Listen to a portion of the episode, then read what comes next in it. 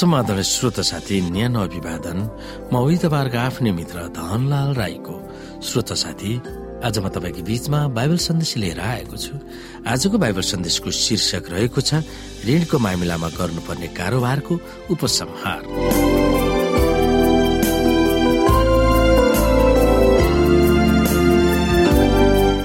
श्रोत साथी ऋणबाट मुक्त हुने मामिलामा माथि हामीले अध्ययन गरेका कदमहरू दिदी एलएनजी व्हाइटकै लेखहरूमा उतारिएका छन्। अर्को ऋण कहिल्यै पनि नलिने प्रतिबद्धता हामी जनाउन सक्छौ। यस क्रममा ऋणमा पर्नुभन्दा आफ्नो निम्ति हजारौं थोक त्याग्नु हाम्रो लागि राम्रो छ। तपाईँको जीवनमा ऋणमा पर्नु अभिशाप भइरहेको छ। जसरी विफर रोगबाट तपाईँ अलग हुन चाहनुहुन्छ त्यसरी नै ऋणबाट पनि अलग हुन तपाईँ खोज्नुहोस्। परमेश्वरको आशिषले तपाईँको ऋण तिर्न सकोस् भनेर परमेश्वरसँग करार बाँध्नुहोस्। तपाईँ गुन्द्रुक र ढिँडोमा बाँच्नुहोस् अथवा बाँच्नु परे तापनि ऋणमा नपर्ने प्रतिबद्धता जनाउन सक्नुहुन्छ।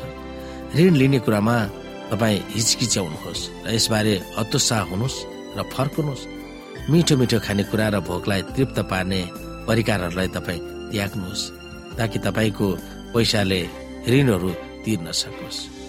सकेसम्म छिटो काम गरेर ऋण तिर्नुहोस् तपाईँ ऋणमुक्त भएर स्वतन्त्र व्यक्ति फेरि हुन सक्नुहुन्छ।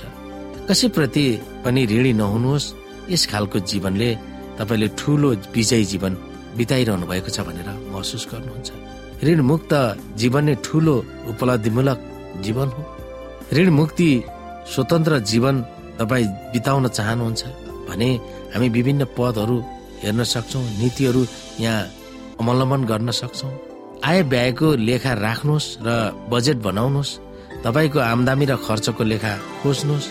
तिन महिनाभित्रमा तपाईँले के किन्नु भएको छ सो समीक्षा गर्नुहोस्। त्यसो गर्दा तपाईँले अनावश्यक थोकहरूमा कति पैसा खर्च गर्नुभयो सो तपाईँले जानेर तपाईँ छक्क पर्नुहुनेछ। चापट लिएर चलाउने बानी नबसाल्नुहोस्। आजको सहरीय जीवनमा विभिन्न वित्तीय संस्थाले क्रेडिट वा सापट लिएर सामान किन्न लगाउने कार्डहरू दिन्छन्। तिनीहरूलाई नाश गर्नुहोस्। यसले धेरै परिवारहरूलाई ऋणमा पारिरहेको छ। ती ऋणहरू तिर्न सजिलो हुँदैन। तिनीहरूलाई प्रयोग गरेर अनावश्यक कुरा किन्नुभन्दा तिनीहरूलाई नाश गर्नु हित हुन्छ। नभए त्यसले तपाईँ र तपाईँको दाम्पत्य जीवन नै सखा पार्दछ। पैसाको लेखाजोखा राख्नुहोस्। सानोतिनो कुरा तर हामीलाई खास आवश्यक नभएको किन्दा कतिपय पैसा हामी जोगाउन सक्छौँ। यस लेखाजोखाले हाम्रो चर्च हाम्रो खर्च गर्ने बानीमा कटौती हुन्छ। याद गर्नुहोस् सानोतिना अनावश्यक थोक किनेको हिसाबले गर्दा धेरै हुन सक्छ। व्यक्तिगत मानिसहरू धेरै राष्ट्रहरूले कतिपय ऋण लिन्छन्। त्यो सोच्दा दिमाग नै खलबलिन्छ। ऋणको मामिलामा तपाईँको अनुभव के छ? तपाईँको निम्ति वा अरूहरूको निम्ति ऋणमा परेको समस्याको बारेमा तपाईँको अनुभव कस्तो छ? तपाईँको चर्चका सदस्यहरूको आर्थिक कारोबारमा व्यवस्थित गर्न तपाईँको स्थानीय चर्चले के गर्न सक्छ? संसारसँग प्रतिस्पर्धा नगर्न र लोभले गर्दा आर्थिक खतरामा तपाईँ नपर्न बाइबलमा के प्रतिज्ञाहरू छन् जुन तपाईँले दावी गर्न सक्नुहुन्छ? श्रोत साथी मानिसहरूको गलत आचरण गलत खानपान गलत व्यवस्थापनले पनि ऋण पर्नलाई सहयोग गर्दछ मद्दत गर्दछ। ती कुराहरूलाई हामीले कसरी व्यवस्थित गर्ने भन्ने विषयमा हामी बुझ्नु पर्दछ। जब तपाईँमा त्यो बानीको विकास भइरहेको छ भने तपाईँले पक्कै पनि आफूलाई सुधार्नु पर्दछ र आफ्नो परिवारप्रति जिम्मेवारी हुनुपर्दछ। ती कुराहरूमा हामीले सधैँभरि मन लगाउनु पर्दछ। श्रोत साथी हामीले अगाडि हेऱ्यौँ यी ऋण भनेको अन्तर्राष्ट्रिय स्तरमा यो अथवा अन्तर्राष्ट्रिय कोर्रा जस्तो भइरहेको छ भनेर। त्यसले हामीलाई हिर्काइरहन्छ। त्यो ऋणले हामीलाई माथि उठ्न दिँदैन। हाम्रो सपनाहरू पुरा गर्न दिँदैन। हाम्रो आर्थिक अवस्थालाई कहिले पनि त्यसले उठ्न दिँदैन र त्यसले हामीलाई हिर्काइरहेको छ।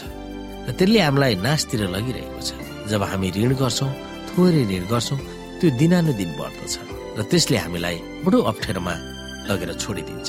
त्यो यति धेरै भइदिन्छ कि हाम्रो कल्पनाले पनि भ्याउन सक्दैन। दिनहरूसँगै ऋणको भारहरू बढ्न सक्छ। हाम्रो जीवन स्तरलाई त्यसले पुरै खस्काइदिँदछ। त्यो ऋण यस्तो चिज हो जसको मानिसको शिरलाई ठाडो पार्न दिँदैन। त्यसै कारणले श्रोता यी कुरामा हामीले व्यवस्थापन कसरी गर्ने भन्ने विषयमा हामीले हाम्रो काम धन्दा व्यापार वञ्जलाई व्यवस्थित तरिकाले अगाडि बढाउनु पर्दछ। परमेश्वरको इच्छा यसमा हामीले खोज्नु पर्दछ। परमेश्वरको असल योजनामा हाम्रो कार्यलाई अगाडि बढाउनु पर्दछ। त्यसो भयो भने मात्र हामीले ती कुराहरूबाट छुटकारा पाउन सक्छौँ।